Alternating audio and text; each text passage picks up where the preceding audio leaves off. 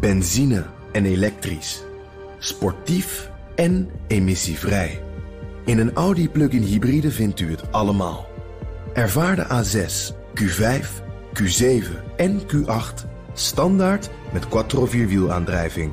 Wat u ook zoekt, u vindt het in een Audi. Audi. Voorsprong door techniek.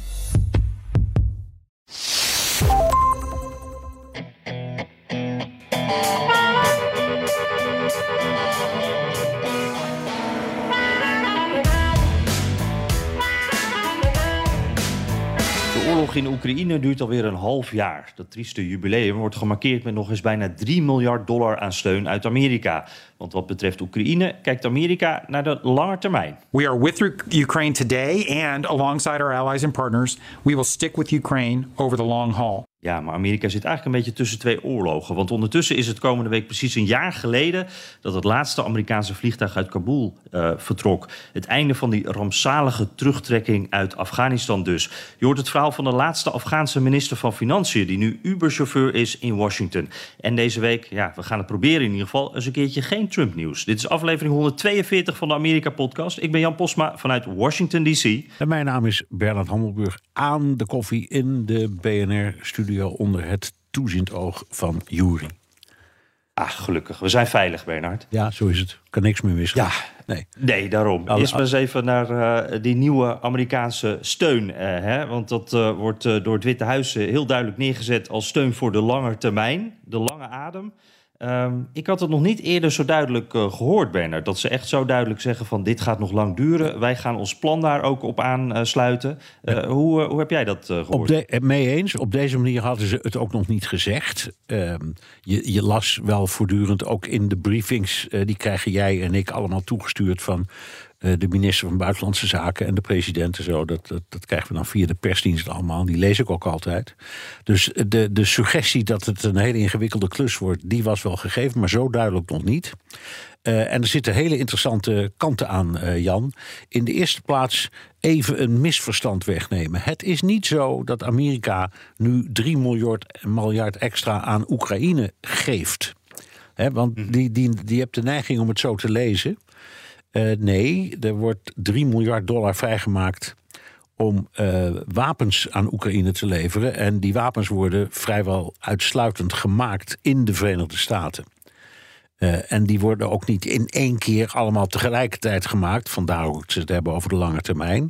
Maar op, op termijn is er behoefte aan een aantal hoogwaardige wapens.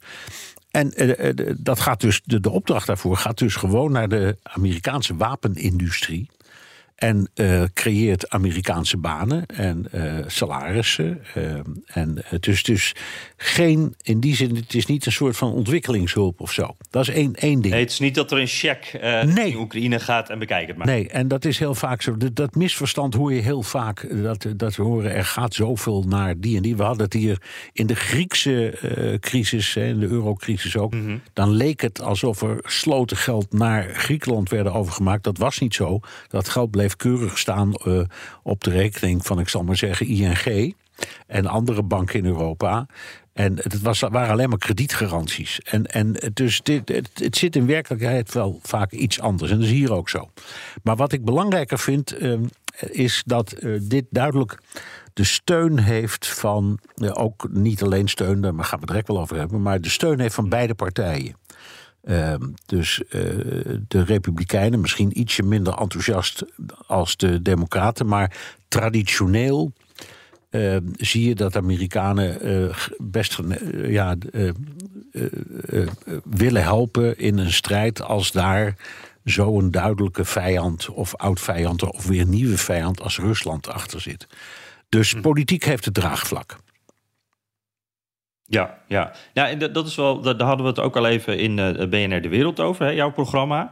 Uh, dat, dat ging uh, deze aflevering ook over zes maanden Oekraïne. Dus mensen die daar meer over willen weten, die aflevering even terugluisteren, toch? Ja, um, Ja, maar uh, wat me daarbij opvalt, want ik zie inderdaad ook die, uh, die steun. Uh, je, je merkt dat, nou, de, de, de, dat ging ook al even in jouw programma erover, maar, maar er zijn peilingen waarin je ziet dat Amerikanen echt wel geduldig zijn, ondanks dat de, die benzineprijzen hoger zijn, dat ze ook wel zeggen van ja, meer dan de helft van de Amerikanen zegt dat we moeten Oekraïne steunen totdat Rusland daar weg is. Die zien het belang daarvan in. Ja. Je ziet dus inderdaad onder Republikeinen en Democraten in het congres ook steun. Ja. Tegelijkertijd dat kleine groep die America First uh, vleugel van de Republikeinse Partij, zeg maar even, die roeren zich wel hard, merk ik. En ik ben benieuwd hoe jij dat ziet. Ik heb wel het gevoel van dat moet misschien niet te lang duren. Want het gaat een keer. Nee, ze worden daar een keer ongeduldig. Natuurlijk. En die, die America First vleugel die heeft enorme invloed. Uh, die is misschien niet zo groot, dat weet ik. Ik weet het nooit precies, maar in elk geval wel heel luidruchtig. Ja, dat weet niemand eigenlijk. Hè? Nee, Je weet alleen dat ze heel luid zijn. Zeer luidruchtig en komen met uitgesproken standpunten. Maar eerlijk gezegd vind ik hun uh, argumentatie een beetje ouderwets, Jan. Want uh, de discussie die, die kennen we uit Nederland al uit de jaren 60 van de vorige eeuw toen er heel veel werd gediscussieerd over ontwikkelingshulp, zoals dat toen nog heette, nog niet ontwikkelingssamenwerking. Dan was de geconditioneerde reflex van de conservatieve partijen altijd: ja, maar in Arnhem is ook armoede. Mhm. En uh, wij hebben ook nog wel wat. Uh, waarom moet dat allemaal weggegeven worden aan dubieuze regimes? En waarom in landen waar we helemaal niks mee hebben, we weten niet eens waar het ligt, we moeten het op de kaart opzoeken. En die discussie die was er toen ook. En ik vind, ik weet niet hoe jij daar naar kijkt. Maar ik vind als ik de argumentatie tegen dit hulpplan van uh, Biden of van de regering hoor. door de American First vleugel. dan, dan herken ik al die dingen. Ja. ja. Want waar komen ze allemaal zo al mee? Ja, ze hebben het nu over de, de opiatencrisis. Uh, waarom doen we, steken we daar niet geld in? Het gaat natuurlijk over uh, die dure benzineprijzen. Waarom helpen we mensen hier in Amerika niet? Uh, de, de, de, de daklozen, de, de, tentjes die ook hier in Washington op straat staan. Dat zijn allemaal die dingen worden genoemd. En je hebt gelijk, het, het klinkt heel bekend. Maar ja, dat is denk ik ook omdat het, het werkt, toch? Dat ja, zijn zeker. problemen dichtbij, die je ziet. En Oekraïne, dat zie je niet, dat is ver weg. Nee, en het is natuurlijk een schijnvergelijking. En daarom, uh, uh, het, het een heeft eigenlijk niks met het ander te maken. Ja, America First heeft gelijk. Er zijn enorme problemen in Amerika en die moeten worden geadresseerd. Daar moet iets aan worden gedaan. Ik, ik, ik vind dat ze daar voorkomen gelijk in hebben. En eerlijk gezegd, ik denk dat er geen redelijk mens is die dat niet vindt. Alleen, uh, uh, in, in, in, het is een rijk land en er worden op het ogenblik heel veel fondsen, ook voor armen, gereserveerd in het nieuwe plan van Biden. Uh, maar met het, het, het, een acute bedreiging van de wereldvrede heeft het eigenlijk niet zoveel te maken. En zo ziet de regering toch de oorlog in Oekraïne een acute dreiging van de wereldvrede. Um, en uh, dat, dat kun je verschillende dingen doen. Hè. Uh, je kunt zelf aanvallen of je kunt degene die aanvalt helpen. helpen. Maar het is, uh, zoals het in Amerika heet, a clear and present danger. en ik vind, eerlijk gezegd neem ik het mensen als, als ja, Tucker Carlson... al die mensen van Fox News een beetje kwalijk... dat ze dat vergeten. Dat ze, dat ze niet er ook op wijzen dat dit heel gevaarlijk is voor de westerse wereld maar als je zegt de westerse wereld, dan, dan zeggen eh, de Tucker Carlsons van deze wereld, die zeggen dan van ja, maar clear and present danger voor Amerika. Dit is een Europees probleem. Amerika heeft hier helemaal gelast van. Nee, maar er zit ook wel wat in. Uh, behalve dan dat ze eh, dan vergeten dat, ja, je kunt zeggen, Rusland en Amerika grenzen niet aan elkaar. Maar als je helemaal naar even op de andere kant van de kaart kijkt, hè, bij de hmm. Beringzee, daar kunnen ze elkaar zien. Ja, van de, de backporch van uh, Sarah Palin. Precies, precies. Dus, dus het, ook dat is uh, een, een, een, een, tamelijk onzinnig argument. Het is, je, moet, je moet geen situatie hebben waarin een, een, een, land als Rusland met zijn kernwapens in een permanent vijandige relatie met het Westen verkeert. Want daar hoort Amerika doodgewoon ook bij. Uh, al, al, al, wordt het misschien minder, minder eh, bedreigd dan, uh, dan wij in, in, laten we zeggen, in West-Europa. Want ja, twee, tweeënhalve dag rijden en je bent er, hè, waar, waar dit zich nu allemaal afspeelt. Dat is waar. Daar valt niks aan, aan af te doen. Nee, maar ze, de, de, jij zegt ook dat isolationisme, dat is het ook eigenlijk dat. Dat kan Amerika zich gewoon niet veroorloven. Uiteindelijk niet. in, dit geval, in dit geval is het onhandig. En bovendien, het is ook commercieel onhandig. Want nogmaals, die wapenindustrie. De hele wereld kijkt nu anders naar de wapenindustrie. Je hebt allerlei in de, in de, in de laatste jaren voortdurend um, een, uh, een beweging gehad. Uh, bijvoorbeeld uh, in de pensioenfondsen. En uh, verzekeringsmaatschappijen die dan die aan, aan duurzaamheidsregels houden, intern. En die mochten dan niet meer investeren in wapens. Of in aandelen in wapenindustrie. Um, want dat, dat zijn gemene bedrijven die erop uit zijn om massamoord te plegen. En die hele, die hele opvatting die is nu aan het kenteren. Iedereen denkt nu, nou ja, oorlog is afschuwelijk, maar we zijn maar blij dat er een goed functionerende wapenindustrie is in de Verenigde Staten, in het Verenigd Koninkrijk, in Frankrijk, in Noorwegen, in Duitsland. Al die landen die wapens kunnen maken en leveren, we zijn er plotseling allemaal heel, heel tevreden over. En dat hele pakket, dat vergeet America First wel heel erg, vind ik. Ja, mm ja. oké. Nou goed, uh, dan, dan, dan moeten we ook even stilstaan bij, uh, je zei het al in de aankondiging, dat andere trieste jubileum. Uh, is de komende week, 30 augustus om precies te zijn. Uh, precies een jaar geleden dat het laatste Amerikaanse toestel uit Kabul in Afghanistan vertrok met Amerikaanse soldaten. En jij sprak met de voormalig minister van Financiën in Afghanistan. Ja, uh, dat was wel een heel bijzonder gesprek. Um, hij heet Khalid Bayenda. En uh, hij woont inmiddels in Washington. Hij, hij was dus inderdaad minister van Financiën. En, een week voor de val van Kabul is hij gestopt. Uh, hij zegt zelf omdat hij ruzie had uh, met de president. Hij voelde zich niet meer uh, ja, gesteund.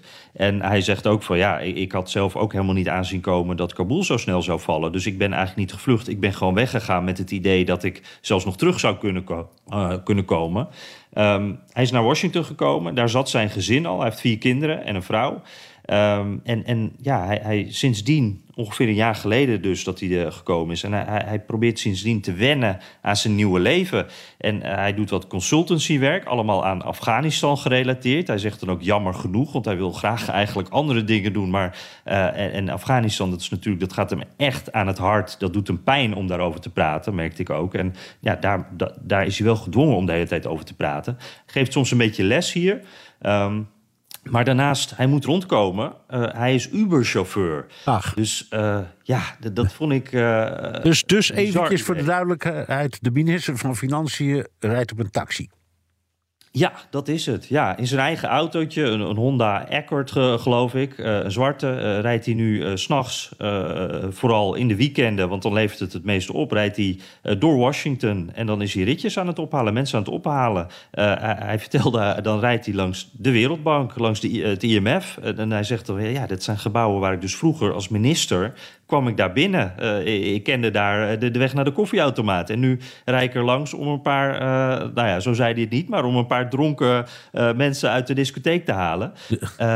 Dus ja. Het, het, ja, een bizarre situatie. En ook heel triest. Ja, zo, zo, ja het is, wel, ja. Een, het is heel, wel een hele wrange variant op die American Story, hè? Waar, waar, ja, precies. Waar, waar, je berooid uit het buitenland komt. En dan op een taxi komt en denkt: ik moet het toch maar weer zien te maken hey, ja. maar je hebt ongetwijfeld met hem gesproken over hoe hij naar de val van Kabul terugkijkt. Ja, en, en uh, dat vond ik ook interessant om te horen. Want dat is natuurlijk iets ongelooflijks wat je dan meemaakt. Helemaal als je, zoals hij dat zegt, uh, het niet aan zag komen op die manier. En, en ik merkte nogal dat hij echt nog steeds dat moet verwerken. En hij vertelde over die dag. hij was toen eigenlijk nog een beetje de dag van de val van Kabul. hij was dus terug in de VS, was, was bij zijn gezin. hij, hij had nog wat jetlag. Hij was moe nog van de reis. En nou ja, toen, toen, ontspond zich dat allemaal op televisie natuurlijk. Dus hij heeft de hele dag naar, naar CNN zitten kijken. En hij zei, ik was echt in shock. Uh, het was alsof ik uh, ja, naar, naar, iemand anders zat te kijken... Die, die naar die televisie zat te kijken. En alsof het niet over mijn Kabul ging, maar over, uh, ja, alsof het een film was. En ja, inmiddels zegt hij van ik, ik probeer het allemaal veel minder te volgen. Want ik word er eigenlijk helemaal gek van. Want alles is negatief. Uh, hij zegt ook door het tijdsverschil, dat vond ik ook wel een interessant, had ik niet zo bij stilgestaan. Maar als hij dus hier in Amerika wakker wordt, dan is het in Kabul natuurlijk al midden op de dag. En hij zei van ja, dan opende ik Twitter of een ander sociaal medium of bekeek ik lokale nieuwsites. Ja, dan alle ellende was dan al gebeurd. Dus je moet dan s ochtends bij je ontbijt ben je alle ellende van de dag daar aan het inhalen. En daar werd hij helemaal gek van. Ja, ik kan me heel, goed, um, kan me heel goed volgen. Het is ook natuurlijk een ontzettend uh, bitter uh, idee. Um, dit was bovendien, deze man hoorde ook wel een beetje bij de elite hè? van. Uh, ja. Uh, ja, dat is nog wel even goed om uit te leggen. Want hij, is, uh, uh, hij had sowieso wel banden met Amerika. Hij had hier ook gestudeerd, had hij eerder gezeten. dus hij, hij zat ook in Amerika toen hij gevraagd werd om minister van Financiën te worden. Hij was daarvoor ook al de, ja, de, de, staatssecretaris zeg maar, van Financiën geweest. een periode. en hij zei van ja, ik voelde het echt als mijn plicht om mijn volk te helpen om terug te gaan. Uh, en, en, ja, de, de, eigenlijk uh, zijn, zijn nummer één doel was om, om corruptie uh, uit, te, uit, te bannen. daar vertelde hij dan ook over dat hij op een bepaald moment op een werkbezoek mee was met, ik geloof, met de president. En dat hij even met zijn, zijn staatssecretaris toen eruit is gesneakt. En dat ze even verderop zijn gaan kijken. En dat was een geheime, een illegale douane-checkpoint was daar. Dus dat was niet van de overheid, maar van ja, een lokale uh, groep die uh, zelf daar geld mee verdiende. En hij zei van ja, dan reden we daar naartoe. En er zag een enorme rij met allemaal auto's. Uh, die, die, waren allemaal, nou, er zat allemaal fruit, groente, vlees. Maar, maar je rook dat het allemaal bedorven was, omdat ze daar zo lang werden tegengehouden. Die moesten allemaal betalen om er door te gaan. Ja. En hij stond daar dus als minister. die mensen, hij had zich niet bekendgemaakt als minister, maar dat hij wel een pistool op zich gericht kreeg. En dat ze daar snel weer weg moesten. En nou ja, dat ja, soort dingen kreeg je mee te maken. Dus echt uh, bizarre situaties. En hij zei ook, ik mocht eigenlijk niet van mijn vrouw teruggaan... want uh, nou ja, dat was een periode waarin er ook met, met magneten... Eh, bommen onder auto's werden gestopt. En hij zei, elke dag waren er wel een paar hoge ambtenaren... of regeringsfunctionarissen die een aanslag kregen en die, die overleden. Dus dat, nou, zo'n situatie... Ja, het, het, doet me. Ik ben ooit een keertje voor een reportagereis in Mexico geweest. En toen reden we daar met een ploegje ergens midden op het platteland. En werden aangehouden door een agent en die zei: U reed door rood. Midden in het niets, er was helemaal geen stoplicht. ja. ja.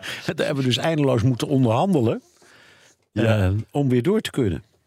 Ja, en, het was denk ik maar één oplossing. was maar één oplossing. Ja, nou, die hebben we dan ook gekozen. hey, hoe kijkt hij um, achter, achter het stuur van zijn taxi, zou ik bijna zeggen, naar de toekomst? Ja, dat, uh, hij, hij um nou, als je, als je naar hemzelf vraagt, dan is het heel moeilijk. Hij, uh, ik, ja, misschien dat uh, jullie als luisteraar ook afvragen... waarom laat je hem niet even horen? Ik laat hem ook even niet horen, omdat hij, uh, hij, hij, was heel erg naar zijn woorden aan het zoeken. Zijn Engels is wel goed, maar het zijn geen korte antwoorden. En, nou, dus het was niet zo geschikt om hem zelf te laten horen. Maar hij, hij, hij zoekt echt heel erg, dus in zijn woorden... maar ook in, in zijn eigen toekomst. Want ja, Amerika is niet zijn land dit was eigenlijk allemaal helemaal niet de bedoeling. Maar hij vertelde wel dat zijn gezin, daar gaat het wel goed mee. Eh, dat zijn, zijn kinderen zijn uh, tieners en die, uh, die, die kunnen het eigenlijk heel goed vinden in Amerika. Hij zei van ja, computerspelletjes zijn overal hetzelfde. Nou ja, dat, daar zit wel wat in. maar toen hij over zijn eigen land vertelde, over Afghanistan... dat was wel echt heel donker wat hij toen vertelde. Want hij heeft natuurlijk nog heel veel contact met mensen daar. zijn vader woont daar nog. ja, hij zei ook van, ja, dat is eigenlijk een van mijn, de punten waar ik spijt van heb. Ik had hem mee moeten nemen. Maar ik dacht, dat hoeft niet, want ik gewoon weer terug. Dus zijn vader is 75. Uh, en hij zegt van ja, we, belden vroeger via WhatsApp video. Inmiddels is het WhatsApp audio geworden, want zijn zicht is veel minder geworden. En het gaat niet goed met hem. En hij woont bij zijn bejaarde zus. En, en, nou ja, maar ik krijg hem daar maar niet weg. Um, dus hij heeft heel veel contact met het uh, thuisfront. En hij zegt van ja, iedereen die de middelen heeft, die probeert weg te komen. En iedereen die niet de middelen heeft, die probeert ook weg te komen. Er is gewoon helemaal geen hoop daar op dit moment. En uh, dus dat was heel donker. En hij vertelt ook dat hij eigenlijk wel het Westen daarin verwijt. Ook die, die chaotische aftochten in Kabul. Hij zegt van ja, die, die, die terugtrekking, dat we werden daar eigenlijk toch wel verraden. We hadden het gevoel dat de wereld achter ons stond. En hij zegt ook wel van ja, Afghanistan heeft het zelf ook niet waargemaakt. Vindt hij ook heel moeilijk dat dat niet is gelukt. Dat dat land zo in elkaar is gestort. Dat, dat vindt hij echt heel moeilijk. Maar hij zegt van ja, wij dachten, we hebben de steun van de wereld en ineens was het weg. En wat ik ook nog wel vol interessant vond trouwens, dat dan hou ik op hoor. Maar uh, hij zei ook van ja, het Westen is heel naïef geweest en is nog steeds heel naïef over de Taliban. Want hij had zich enorm verbaasd over die uh, verhalen over, nou, het is misschien wel de Taliban 2.0 geworden. Ze zijn misschien wel wat normaler geworden. En hij zegt van ja, dat is natuurlijk helemaal niet zo. Daar, hoor ik nu dagelijkse voorbeelden van. En nu, zegt hij, hoor ik dan wel vanuit het Westen van, oh, misschien die nieuwe generatie Taliban mensen, die zijn misschien wat, wat minder extreem. Nou, hij zegt uh, absoluut niet. Dat, uh, je ziet het op dit moment gebeuren. Ja. Dus uh, hij had het over een, een, land, eigenlijk een volk... dat in gijzeling wordt gehouden door die Taliban. Dus ja. ja. heftig verhaal. Het klopt, hij heeft helemaal gelijk. En wij zijn naïef geweest. En een paar dingen die toch even moeten vaststellen hoor. In de eerste plaats, het overwicht van de Taliban was er ook al... toen de westerse landen er allemaal nog waren. Dus in de, in de periode die voorafging aan die terugtrekking. En hmm. ze waren toen al in de meerderheid. En, en Amerika had een soort overeenkomst gesloten met de Taliban. zonder daarin de Afghaanse regering te betrekken. Dat was, dat was heel curieus. Het is dezelfde mm. truc die ze hebben gedaan in Vietnam destijds. Door met Noord-Vietnam en de Vietcong een deal te sluiten zonder Zuid-Vietnam. De Zuid-Vietnamese regering is daar totaal niet bij betrokken geweest. Dat hebben ze nu weer gedaan. Um, en inderdaad, in die overeenkomst stonden allerlei dingen over. Ja, nee, de Taliban zou het leven beteren. En iedereen die er iets van wist, riep toen al: ja, joh, daar moet je niet in geloven. Dus het is niet zo dat we het niet wisten. Alleen um, de Amerikanen wilden al sinds Obama weg. Obama had in zijn verkiezingscampagne al beloofd dat hij daar de troepen zou weghalen. Trump had het in zijn verkiezingscampagne al beloofd. En Obama deed het op een bepaald moment. En toen zei iedereen, ja, dat is totaal onverwacht. Deze man zei dat ook. Maar je kunt zeggen, ja, het was onhandig gedaan door werkelijk zo hals over kop te verdwijnen. Van de een op de andere seconde. Ja, ja, Biden bedoel je dan? Biden. Biden, ja, ja, ja, ja, ja, ja, Biden, sorry. Ja, dat, dat was, eh, die heeft het dan uiteindelijk gedaan. En erg hals over kop, dat was niet handig. Ze hadden beter kunnen zeggen, in de komende drie maanden gaan wij weg. Hè? En dan met plukjes en dan uh, één vliegtuig met de koffers en, uh, en, en, de, en, en, de bureaus en het volgende vliegtuig ja. met de computersets enzovoort. En dan wat mensen en zo. Dan had iedereen kunnen wennen, kunnen meedoen. Dan hadden ook andere landen, zoals Nederland, hè, dat in een, in, een, in een regeringscrisis is geraakt. Daardoor, hè, dan moesten ook twee ministers aftreden hè, van Buitenlandse Zaken en van Defensie. Allemaal door, door deze ellende. Dus dat, dat was niet handig dat meneer Biden dat zo hals over kop deed. Maar dat ze het al heel lang van plan waren, dat is een feit. En dat ze van alle kanten gewaarschuwd waren van doe nou niet zo naïef. Dat is ook een feit. En, maar er is iets wat mij altijd heel erg dwars zit in die hele affaire. En, en dat is deze. Als het volk werkelijk die Taliban niet wilde, dan was die Taliban er niet. Mm Um, en het feit dat, dat, de Taliban in zo'n ruime meerderheid hebben in, onder het volk, dat betekent dat er heel veel uh, burgers zijn die zich daar toch om wat voor reden dan ook um, uh, veilig of uh, goed bij voelen. En dat, daar hoor ik eigenlijk zelden of nooit iets over. En het is iets, toen ik zelf in, in Afghanistan was, ook me eindeloos in heb verdiept. Wat gebeurt hier nou eigenlijk precies? Hmm. En het antwoord dat ik daar van de meeste mensen kreeg was... Um, Afghanen zijn, zoals heel veel mensen in die regio... Uh, heel bedachtzaam in, uh, dus in wat ze, waar ze voor kiezen. En in principe kiezen ze altijd voor diegene van wie ze denken dat hij uiteindelijk gaat winnen. Mm. En als je dat bedenkt, dan snap je ook wat beter wat er is gebeurd. De, de burgers zagen het al lang. En die maar Bernard, is het, uh, speelt het ook niet mee dat dat gewoon een heel verdeeld land is? En dat je niet over het Afghaanse volk kan spreken, maar het zijn allemaal kleine fracties die. Ja, maar dat is goed. We noemen, we, ja, we noemen het een stammensamenleving. Dat is het ook. Er zijn, er zijn eh, een hele hoop stammen uh, en uh, volkeren, zou je kunnen zeggen. Um, en die spreken ook allemaal een andere taal. Dus lang niet.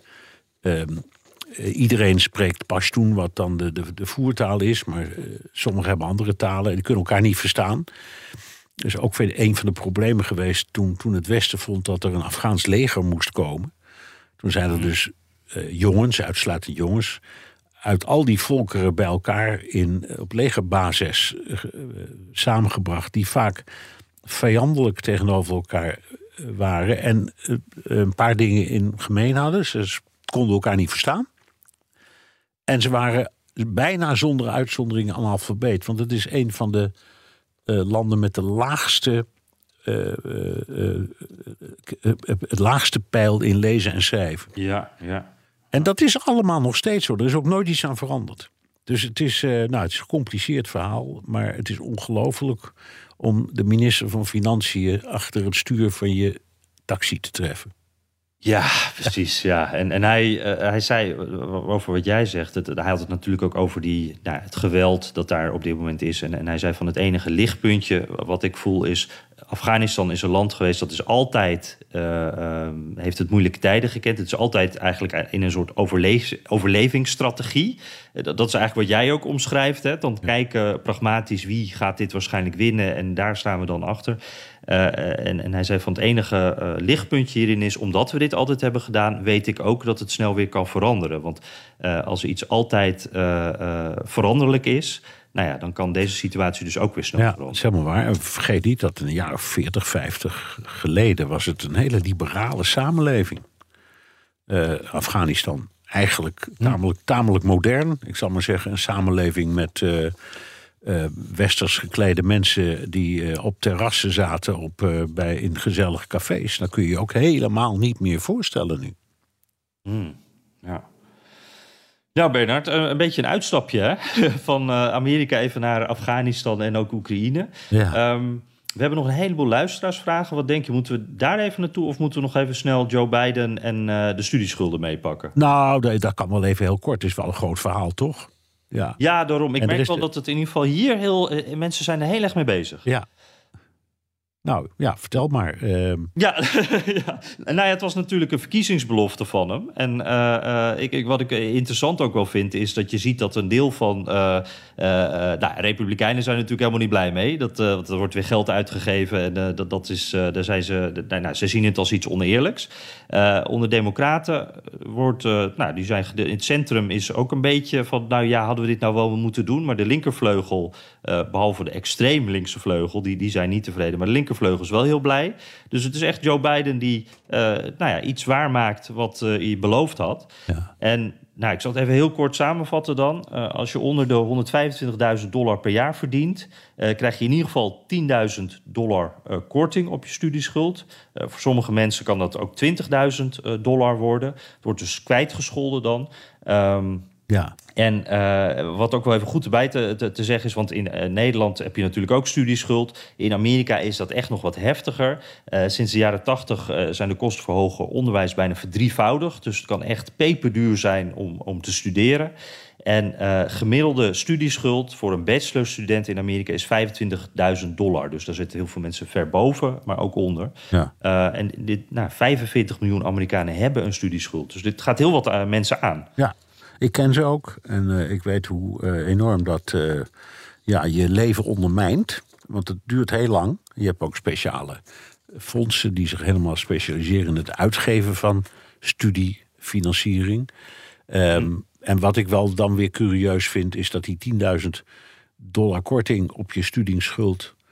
eh, van laten we zeggen gemiddeld 25.000 of 30.000. hè. Dus je krijgt eh, een derde of ruim een derde krijg je dan cadeau, krijg je terug. Als je, als je onder de 125.000 dollar verdient. En die grens vind ik zo opmerkelijk. Elke keer denk ik dat weer. Jongen, jongen, jongen, wat moeten Amerikanen gemiddeld veel geld verdienen? Ja, ja dat Want zei ik vorige week ook nog. Ik Ja, vorige keer Maar toen zei ook al van, ja... Dat zijn toch enorm. 125.000 dollar. Dat is tegen de huidige koers ook ongeveer 125.000 euro. Nou, wie, wie verdient dat nou? Ja. En als je dat verdient en je hebt nog 30.000 euro schuld, dan denk je toch, nou, dat, dat, dat, dat los ik dan wel af zelf. Dus Ja, het is, het ja, is een beetje. Maar goed, hij heeft er in elk geval, denk ik, bij een heleboel jongeren. eh, heeft hij er geweldig mee ge- gescoord. En ook bij gewone gezinnen omdat die studieschuld, je hebt vaak dan een, twee partners in zo'n gezin, die hebben allebei een studieschuld en dat, dat belemmert het leven tot op zekere hoogte. Hè, de, hoe, Ja, hoeveel, hoeveel mensen hebben ongeveer studieschuld? Uh, 45 miljoen Amerikanen. Alsjeblieft. Ik bedoel maar, dat zijn er toch echt heel veel. Ja, ja precies. Hey, en wat vind jij van uh, republikeinen die zeggen... Uh, hey, hij koopt hier stemmen mee. Vlak voor de verkiezingen doet hij even. Hij geeft eigenlijk geld weg. Dit is niet eerlijk. Uh, ja, dat is politiek. op het moment dat de zittende president iets doet dat, waar, waar de gewone burger voordeel bij heeft, kun je het altijd een cadeautje noemen. Hmm, ja. Uh, dus ik, ik denk dat er is ook wel wat voor te zeggen. Al betwijfel ik of hij het als verkiezingsstunt heeft gedaan. Want het is het, hij, hij vervult gewoon een belofte die hij in zijn eigen verkiezingscampagne al had gemaakt. Dus wat dat betreft, ja. hè, toch? Dat is waar, nee, is helemaal waar. Ik moest er ook wel een beetje om lachen, want ik zag een, eh, een, een de, de, Republikeinse Partij had een uh, venijnig tweetje gestuurd. waarin ze zeiden: van ja, maar een schuld hoor je terug te betalen. En toen was er een Democraat, ik denk dat het ook een actieclubje was, die had allemaal congresleden onder elkaar gezet die recentelijk nog uh, leningen hadden gekregen en die niet hadden terugbetaald omdat die ook waren uh, kwijtgescholden. Dus uh, nou ja, zo werd er dan. En toen was er ook iemand die natuurlijk zei: jullie leider, president Trump, die is een paar keer failliet gegaan, dus die betaalt zijn schulden ook niet altijd terug. Nee. dus ja, zo kan iedereen wel wat zeggen. Zo, zo lusten we er nog wel een paar, hè? ja. ja, precies. Benzine en elektrisch, sportief en emissievrij. In een Audi plug-in hybride vindt u het allemaal. Ervaar de A6, Q5, Q7 en Q8 standaard met quattro vierwielaandrijving. Wat u ook zoekt, u vindt het in een Audi. Audi. Voorsprong door techniek. Jan, dan, zullen we dan ja. aan die luisteraarsvragen gaan? Want het zijn ja, er een hoop. Ja. ja. Ja, precies. En ik zeg nog maar eventjes, je kan ze sturen via mail. Uh, via de Amerika Podcast WhatsApp kan ook. Dan kan je een boodschap inspreken. Uh, 0628135020. Uh, maar houd het alsjeblieft een beetje kort, want anders moeten we erin knippen. En dat is zonde. Uh, eerst even, Bernard, naar een vraag die ik van verschillende twitteraars kreeg. En ik moet eerlijk zeggen, ik had ze even op moeten slaan, want ik ben jullie namen vergeten. Maar hier is jullie vraag. Die zeggen van, jullie lijken ervan uit te gaan dat Liz Cheney als republikein het tegen Trump op wil nemen. Dat ging over Liz Cheney vorige week die uh, ja, haar verkiezingen verloor en, en het nu Trump uit het Oval Office wil houden. Um, maar kan Liz Cheney niet veel beter als onafhankelijk kandidaat meedoen in 2024 om op die manier stemmen bij Trump weg te trekken? Ja. Wij, wij, hebben het volgens mij een beetje in het midden gehouden. Dat, dat, ook omdat ja, we weten helemaal niet wat haar plan precies nee, is. Dus nee. uh, het kan. Het, ja. het, kan. Ze kan als onafhankelijk kandidaat. Alleen de geschiedenis leert dat onafhankelijke kandidaten kansloos zijn. En bovendien, bovendien uh, het is wel, zou misschien wel goed nieuws zijn voor de democratische kandidaat. Want ik neem aan dat op, om, omdat zij een, een conservatieve republikein is, weliswaar heeft ze bonje met Trump en de Trumpisten, maar ze is een, een, een diehard uh, conservatieve republikein. Hmm. Dus als ze onafhankelijk uh, wordt, dan, dan haalt ze stemmen, dan cannibaliseert ze, naar mijn idee, de republikeinse opkomst. Dus dat zou goed nieuws zijn voor de Democraten. Ja, ja, maar dat, dat zou dan dat zou Cheney dan goed vinden, want dan houdt ze Trump uit het, uh, uit het Oval Office. Dat wel. Uh, ja, maar, goed, maar het, het is een, je een betaalt, raar. Ja, ik, betaalt een hoge prijs, zal ik maar zeggen. Ja, precies. En het is. Uh, en, nou, ik, ik zag een peiling, ik weet niet hoe uh, serieus we die moeten nemen hoor. Het is van Yahoo en YouGov. Uh, die, die, hebben samen wel een serieuze peiling, maar meer van ja, wat moeten we er op dit punt mee? Maar ik vond hem wel opvallend. Die zeggen van als het Trump tegen Biden wordt, dus zonder Liz Cheney als derde kandidaat, dan zou Biden met vier punten verschil winnen. En als Cheney wel mee zou doen als derde kandidaat, dan zou Trump met acht punten winnen. En dat suggereert dus dat een deel van de Biden-stemmers uh, ook best wel wil wisselen. Dus dat, dat maakt het dan ook nog Ja. wel een gok. Misschien Ja, dat ja, er toch wat... Ja. Ja. Oh, er komt een berichtje binnen van Liz. Oh, oké. Ik, ik, ik sluit het ook niet uit, Jan. Uh, dat kan best hoor. Dat, dat dat effect zou zijn, inderdaad.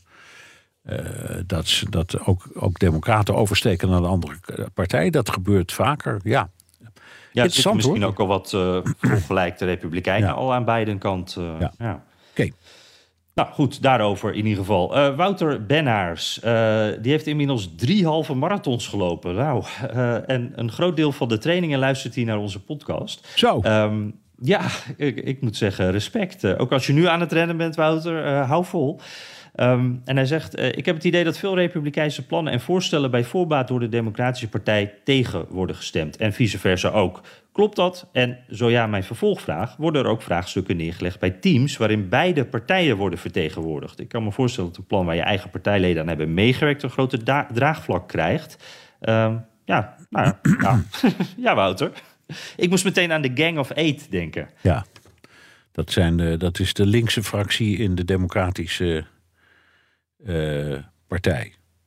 Nou, dat, dat, is ook dat samenwerkingsclubje. Uh, daar, waar, um, die hebben in ieder geval op immigratie een paar jaar geleden, geleden hebben ze wat samengewerkt. Er zaten vier Republikeinen en vier Democraten. Oh ja. ja. Dat, dat samenwerkingsverband, daar moest ik even aan denken. Ja, nou, het kan. Uh, en in de, je kunt het bijna niet meer voorstellen, maar in de goede oude tijd toen John McCain nog leefde, de prominente mm. Republikein, die maakte vaak deals in de Senaat met prominente democraten. En daar gingen ze samen op stap om dat door een commissie te krijgen. Maar goed, in die tijd was de politiek anders van toon. En, en de mensen die aan, aan, politiek deden ook wat anders van instelling. Dus de, de tegenstellingen waren in die tijd wat minder groot. Ik weet het niet. En, ik, ik, met die opkomst van de Tea Party ook. Hè, dat, dat het echt uh, een compromis wordt als een nederlaag uh, gezien in die kringen. En dat, dat is eigenlijk een beetje... Ja, dan, dan kan je niet meer onderhandelen. Want elke keer als je iets toegeeft... dan ben je een verliezer in plaats van een winnaar die iets geregeld heeft. Ja. ja. Oké, eh, dus nou ja, ze zijn er wel, maar het is heel moeilijk, die samenwerkingspuntjes. en daarom komt er ook zo weinig uit dat congres, denk ik. We hebben nog een, een audiovraag, Bernard, maar die was anoniem. Dus nou, moeten we maar even naar gaan luisteren, denk ik. Een vraag over de verkiezingen. Als Donald Trump mee gaat doen, is het niet een goed idee voor hem om Ron DeSantis als running mee te nemen? Als je hun twee bij elkaar hebt, denk ik dat je misschien al 80, 90% van de Republikeinen sowieso achter je hebt. Voor Ron DeSantis zou het ook slim zijn omdat hij dan niet, als hij tegen Trump op zou nemen in deze verkiezingen, dat hij niks slechts hoeft te zeggen over Donald Trump. En over vier jaar zou hij dan ook de Trump-aanhangers achter zich krijgen. Mochten hun met z'n tweeën de verkiezingen gaan proberen te winnen. Denken de Democraten dan dat ze met Joe Biden genoeg hebben om hun twee te kunnen verslaan? Of zullen hun toch proberen te switchen naar iemand anders? Zo, Mm. ja, dat zijn, zijn wel de vragen, hè? Dat zijn goede vragen, ja. Uh, de Santos als running mate van Trump. Laat ik vooropstellen dat ik het uitgesloten acht dat de Santos dat doet. En waarom? Omdat hij, uh, hij heeft twee opties. Of hij doet niks, dus hij komt niet op als tegenkandidaat van Trump. Maar wacht gewoon neemt nog. Neemt hij geen risico? Neemt hij geen risico. Wordt gewoon, naar alle waarschijnlijkheid, weer gouverneur want die, die tegenstander, de Democraten hebben een interessante tegenstander in de strijd gegooid. Maar toch, ik denk dat hij dat wordt. Nou, dan is hij gewoon nog een termijn gouverneur. En daarna is het veld vrij, dus dan kan hij meedoen. Hmm. Dus waarom zou hij dat. En in de tweede plaats, een, uh, een vicepresident van een omstreden president. die loopt zelf ook vaak, wat dan zullen we zeggen, collateral damage op. Mhm. Kijk naar uh, Mike Pence, hè? Die, die, zat ook, uh, ja. zit nu ook een beetje tussen twee vuren. Ja, ja, dus ik denk dat het gewoon, ik zou het als ik strategisch was niet doen. Nu de kans, als ze samen zouden optrekken, ja, geen slecht idee. Uh, omdat die de Santis dan natuurlijk ook een heleboel campagnetrips maakt en de boodschap van Trump verwoordt, maar veel minder omstreden. Op een minder mm. omstreden manier. Dus ja, dat. Ja, je hebt dan eigenlijk uh, het nu in Trump, maar ook de toekomst in de Centers uh, in, ja, in ja, ticket. Ja, dus daar zit wel wat in. Nou ja. Ik, ik uh, denk eens, zou het alles eerder voorgekomen zijn dat de twee presidenten uit de, of de president en de vicepresident dan uit dezelfde staat komen? Nee, dat, is dat hoor je niet zo vaak. Nee, dat is nog nooit eerder gebeurd. Maar bovendien, Trump woont wel in, in Florida, maar hij komt natuurlijk uit New York. Dus, ja, uh, dat is zo. Dat is zo. Dus wat dat betekent, hij stemt nu in Florida, hè? Jawel, en hij woont ook in Florida. Dus dat, en zo, dat, dat is keurig. Allemaal is niks op tegen. Maar ja, ik weet niet. Ik vind, uh, ik vind het een goed punt. Ik had er nog niet eerder aan gedacht, ja. eerlijk gezegd. Het is wel een soort dreamteam. Ja, en wat was het tweede, ik denk, tweede deel van de Ja, of, of, de democraten dan ook zouden reageren... en snel uh, Biden voor iemand anders zouden vervangen. Ik denk dat ze daar nu al een beetje over nadenken, stiekem. Ja, nou, en wat heb je bedacht? Nou ja, ik, ik heb het gevoel dat uh, echt nou ja, eh, de basis is eigenlijk, van wat ik denk... eh, ik geloof niet dat Joe Biden voor nog een termijn gaat... vanwege zijn leeftijd. Als je ziet hoe hij nu eh, zijn werk doet, eh, dat gaat allemaal. Maar ik denk niet dat je geloofwaardig kan zeggen... dit gaan we eh, nou, eigenlijk vanaf nu nog zes jaar zo door blijven doen. Dus ik denk dat de democraten sowieso op een nieuwe kandidaat uitkomen. Ongeacht of de centus... eh, Oké, nou ja, je, je kunt gelijk. Je moet, eh, laten we zeggen, je hebt een hele grote kans dat jij gelijk hebt. Ik weet het zo zeker niet, omdat hij zelf zegt dat hij er weer voor gaat. ja, Eh, en nou, en je, ik- dat klopt. ja, je moet altijd eerst luisteren naar wat mensen zelf zeggen. Eh, dus wie weet. Ik vraag me af, hoe oud is hij dan? 82? Ja, zoiets. Ja. Ja, ja. Moet ik even opzoeken, zo oud is ja, dat. ja, ja, Nee, 2 of 83 zou hij dan zijn. Het is wat. Maar goed, Ja, hij is, hij is nu 79. ja. Ja. Dus ik, ik, ik denk, hij is dan 81. Ja, ik, ik, ik denk trouwens, want hij moet toch ook wel zeggen dat hij wel doorgaat, toch? Want anders dan, dan eh, neemt niemand hem meer serieus. Dan eh, eh, is het presidentschap nu ook al een beetje. Dat is waar, dan is hij meteen een leem dak. Ja. Ja. Nou, oké. Ik, De, stel- de, de stelling, woorden... de stelling van Postma luidt dus... er komt sowieso een nieuwe democratische presidentskandidaat. Ja, zeker. En hier mag ik op gepakt worden als het eh, straks toch anders blijkt te zijn. Oké. Ehm, Ha- Harold van Enenburg, die zegt, eh, eh, ja, oh, die heeft een opmerking over de Native Americans. Hij zegt van, ja, een goede term daarvoor zou ook in het Nederlands inheemse Amerikaan kunnen zijn. Ja. We hadden het erover van, wat, zou, wat is nou een goede? Ja, het is goeie. Ja. Een goeie. Ja, Ja. ja. Ja, het is een beetje lang, hè. Het, het- het- ik denk dat daardoor in Nederland Indiaan toch ingeburgerd blijft ook. Naast dat we dat kennen, maar het is gewoon korter Ja. dan eh, inheemse Amerikaan. Ja. Maar goed punt. Gerard Burger, eh, die zegt, die luistert al sinds aflevering 29, meestal onder de afwas of in de auto. Met een bijna morbide fascinatie over hoe zo'n prachtig land zo hard de rechtsstatelijke afgrond in lijkt te glijden. Ehm, de vorige aflevering omschreef Bernard Amerika als de meest ultieme prestatiemaatschappij ter wereld. Ehm, dat komt natuurlijk vaker te sprake, die unieke cultuur. Hij heeft er een podcasttip bij, de American Culture Series van Freakonomics Radio. Eh, Het is net weer begonnen, zegt hij, eh, de eerste aflevering. Ehm, en de aflevering waaraan ik moest denken bij Bernard's opmerking is The Pros and Cons of America's Extreme individual, Individualism. Met een Amerikaanse hoofdrol voor Gertjan Hofstede, professor Artificial Sociality in Wageningen. Die uitlegt welke aspecten de Amerikaanse cultuur zo uniek maakt. Ik had nog niet van die man gehoord. Ik ook niet, maar ik wil het wel horen. Ik ben erg benieuwd. ben want heel op dit punt krijgen we heel vaak vragen. Ik stel deze vragen al tientallen jaren zelf. Hmm. En ik kan ze nooit allemaal helemaal goed precies beantwoorden. Dus het, het zijn allemaal maar veronderstellingen. Hè. Ook mijn opmerking over eh, de prestatiemaatschappij. Dat is iets wat je waarneemt. Als je kijkt naar de hoeveelheid uren die Amerikanen bereid zijn te werken. eh, Wat ze allemaal voor hun baas over hebben. Hoe weinig rechten ze hebben in arbeidsjuridische zin.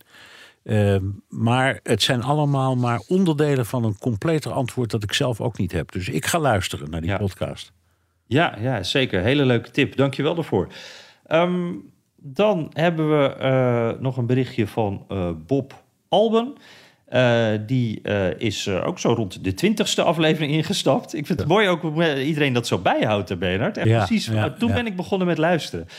Ehm, en die heeft een antwoord op een vraag die jij stelde, Bernard. Eh, Dat ging erover van wat, eh, ja, welke, in, welke, in de, alle windstreken, wat is nou de staat die daar het verste in ligt? Ja, wie, Dus, wat eh, is de meest westerse staat, de meest noordelijke staat, de meest oostelijke staat en de meest zuidelijke staat?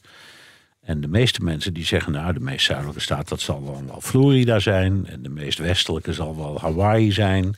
En de meest Ja. noordelijke zal wel Alaska zijn. En de meest oostelijke zal wel eh, Maine zijn, of, eh, of, of, of, eh, of New York of New Jersey. Noem maar wat. En, dat is Ja. allemaal, en hij had de antwoorden. Ja, en daar zitten wel een paar mooie instinkertjes in. Want de, de meest zuidelijke, daar had ik niet meteen aan Hawaii gedacht. Maar zegt van, dat is Hawaii. Ja. De meest noordelijke, nou dat is logisch, dat is Alaska. Maar dat is ook de oostelijkste en de westelijkste. Het klopt, het klopt. Want ik wist de antwoorden, daarom heb ik de vraag ook zo gesteld. Nou, ik had er nooit zo over nagedacht, maar het is zo'n heerlijke, triviante instinker, hè? Ja. Ja, Ja, nee, is echt een hele mooie. Ja, en dat, dat heeft allemaal te maken met natuurlijk de 180ste lengtegraad. Want die loopt dwars door Alaska. Dus Alaska is de meest westelijke en de meest oostelijke. Dat is, dat is het verwonderlijke. Ja. Ja. Nou, mooi verhaal. En ehm, nou, hij heeft dan ook nog wat over. eh, hij heeft zelf een tijdje in Amerika gewoond, een half jaar in Arizona geweest. En eh, eh, hij noemt daarop ja, eigenlijk een beetje de hartelijkheid van de Amerikanen. Want hij zegt van tijdens een kerstborrel met klasgenoten leerden we een serveerster kennen. Zij nodigde ons uit om een paar dagen later met zes man bij haar ouders thuis een kerstdiner te hebben. Dit soort hartelijkheid zou ik in Nederland niet verwachten. Nee, dat is wel heel bijzonder. Dat vind ik ook wel. Ja, Ja. dat is wel heel mooi, ja.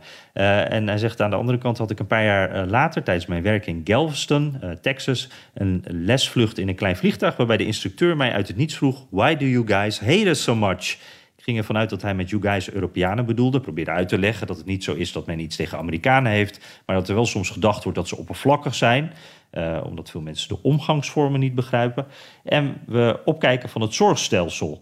En het raar vinden dat je in een Wal- Walmart een shotgun kan kopen. Ehm, mijn vraag is hoe jullie zelf Amerikanen ervaren. Niet als journalist, maar in de privésfeer. Ja, Ehm, nou, ik vind overigens dat Us, daar schrik ik van. Want die heb ik zelf nog nooit gehoord. Ehm, maar ik sluit niet uit dat het waar is. Dat ze denken dat wij een hekel aan ze hebben, zal ik maar zeggen. En ja er wordt ook wel eens een beetje zo van... eh, nou, jullie zullen ons wel een beetje gek vinden. Ja, dat of, dom, of oppervlakkig, of ehm, naïef, of infantiel, of noem het allemaal. Maar de uitdrukking, die, eh, eh, een ugly American, is niet uitgevonden door Europeanen, maar door, door Amerikanen zelf. Hè? Eh, Nou. dat, hè? Dus wij zien Amerikanen soms wel eens een beetje als een ugly American. Ehm, maar in de privésfeer moet ik zeggen, ehm, ik, ik heb voornamelijk goede eh, ervaringen in, de, in Amerika.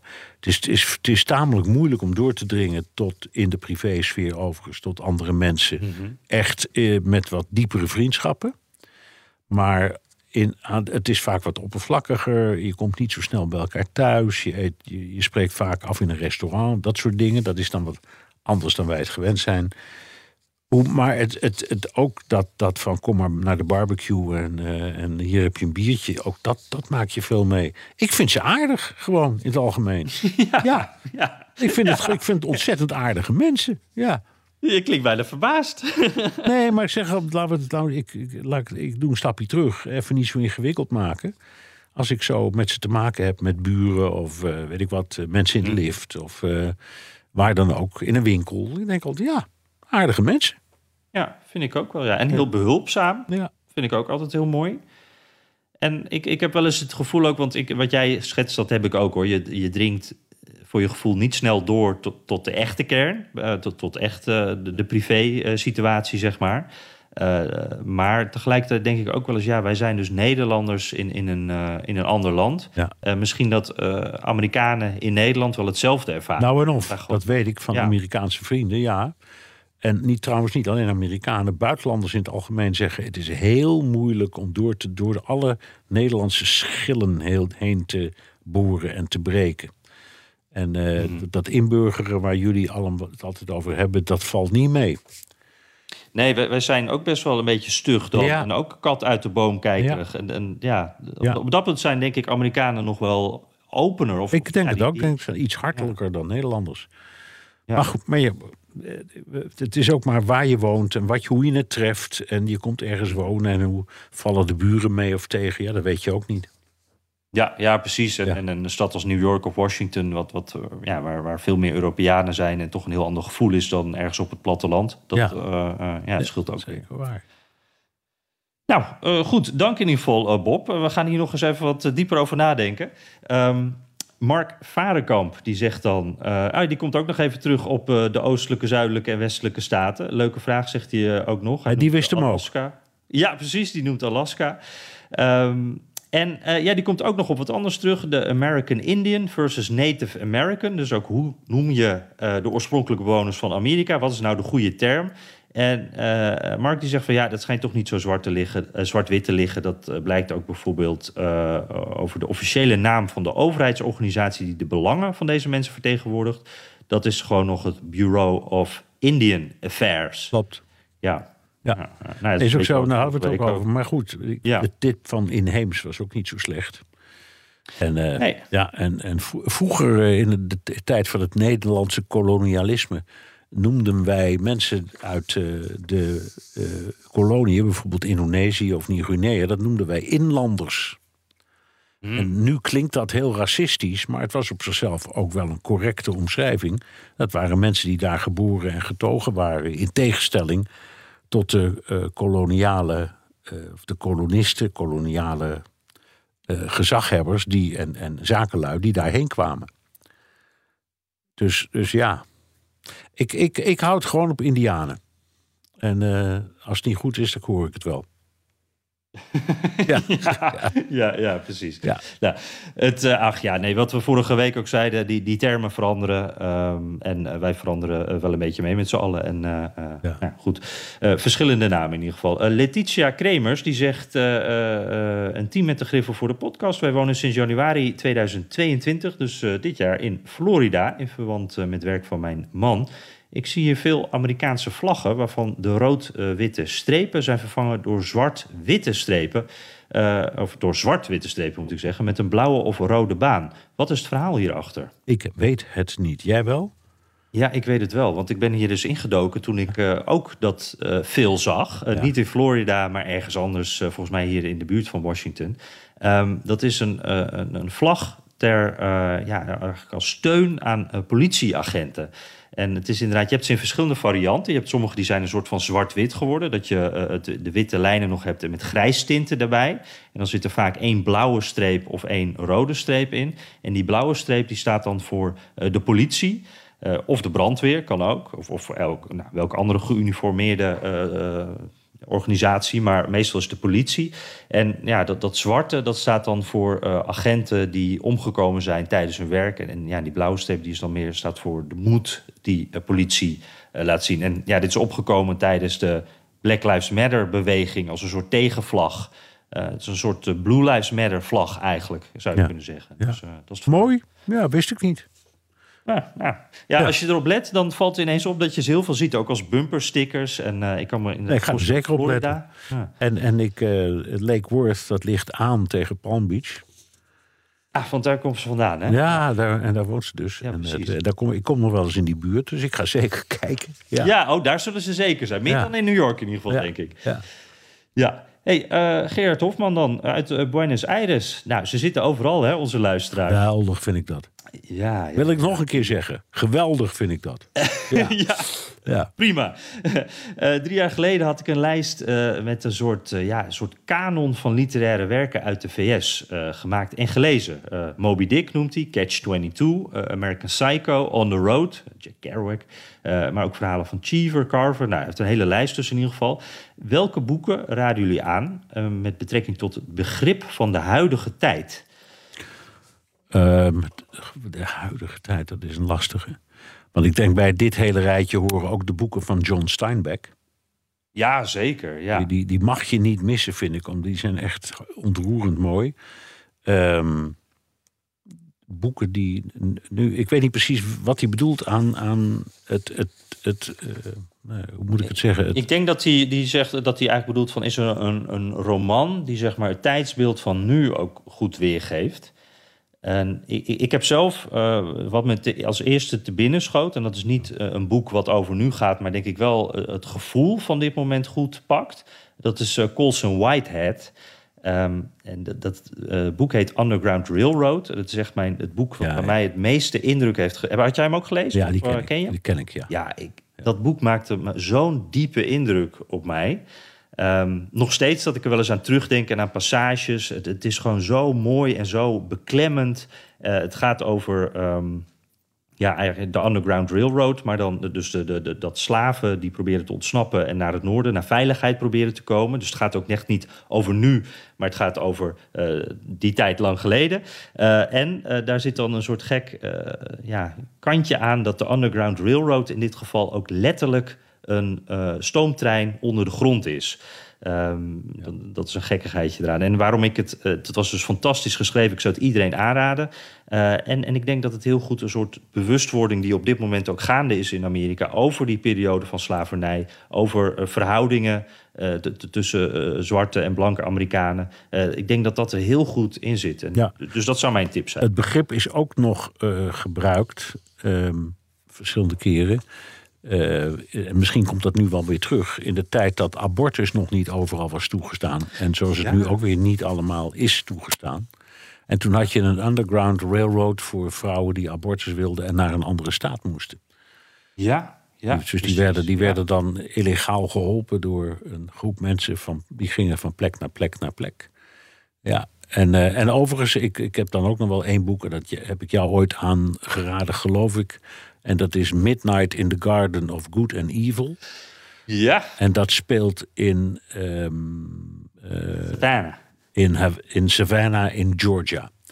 En het, waarom is dat nou zo'n mooi boek? In de eerste plaats is het een hartstikke goed verhaal. Maar het, laat, het, het, het tekent het leven in een stad, Savannah, in, in het zuiden, midden in ja, zeg, het diepe zuiden kun je zeggen. Uh, in een oer-conservatieve staat, staat als uh, Georgia. En dit is de uitzondering. Dit is een stoute stad. Een beetje stoute, linkserige, uh, anarchistische stad, gemeenschap. In, in, in dat hele conservatieve Georgia. Ik heb ervan genoten. Er is ook een prachtige film van gemaakt trouwens. Ja, ja, ja daar, daar hadden we het vorige week over, over die film. Die heb ik op aanraden van jou en van David inderdaad. Uh, ook een hele leuke film. En het, Ja. het heeft een beetje dat uh, Southern Gothic heet dat geloof ik. Hè? Een beetje zo'n... uh, ja, er zit ook wat voodoo-achtig in. Het zijn veel donkere beelden. In ieder geval in die film heb ik Ja. het dan over. Het heeft een beetje een soort spannend, ja, don donker gevoel. Heel, ja... Mooi, heel mooi. hey, Bernard, dan hebben we nog niet de hele lijst gehad, maar we zijn wel een heel eind gekomen. Ik denk dat we hem hierbij toch maar even af moeten ronden, denk je niet? Ik, uh, ik vrees het wel, ja. Dit blijft een hoop liggen nog, jongens. Maar goed, Ja, we doen ons best. volgende week mee. Ja. ja zeker, zeker. Heb je nog recensies? Uh, nou, nee, dat niet. Dus uh, daar winnen we weer wat tijd mee. Ja. Oké. Okay. ik zou zeggen, blijf ze sturen. Ja. Nou, terugluisteren kan via de BNR-site, Apple Podcasts of Spotify. Heb je vragen, opmerkingen, kritiek of complimenten? Dan kan het ook met een tweet naar Jan Postma USA of BNR De Wereld. Of heel ouderwets met een mailtje naar dewereld.bnr.nl. En je kunt ook je vraag inspreken of intikken op de Amerika-podcast WhatsApp 06 2813 5020. En welk platform je ook kiest, zet behalve je naam ook je adres in de tekst. Want Jan. Ja, die fantastische uh, Amerika-podcast uh, Mok kan dan jouw kant opkomen. En ja, jij, jij, jij, stuurde mij een berichtje. Je zei van, je vond dat antwoord van uh, Bob... vond je wel zo goed over Alaska. Dat was de eerste die dat zo helemaal aan ons antwoordde... en helemaal zo voorlegde hoe het precies zat. Die zou wel eens kans hebben voor de Mok kunnen zijn. Ja, dat vond ik. Dus zullen we maar gewoon besluit ja. nemen dan? Zullen we hem dan wel gewoon uh, toesturen? Ja. Aan Bob Albert, de, de, mok van deze maand. Gefeliciteerd, Bob. Ja, je krijgt een mok. En uh, ik blader even terug. Uh, om ja, te kijken of zijn... ja hoor. Volgens mij stond dat erbij. Ja, ja. we hebben Bob zijn adres. En dat geef ik meteen door aan Emma. Die gaat daarover bij BNR. Dus de, ja. de mok komt eraan.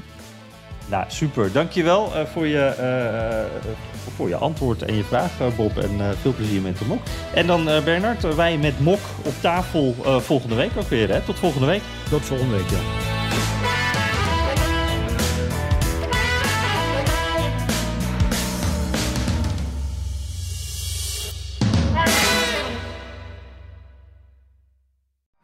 Benzine en elektrisch.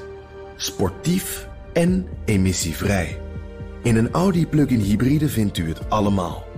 Ervaar de A6, Q5, Q7 en Q8 standaard met quattro vierwielaandrijving. Wat u ook zoekt, u vindt het in een Audi. Audi. Voorsprong door techniek.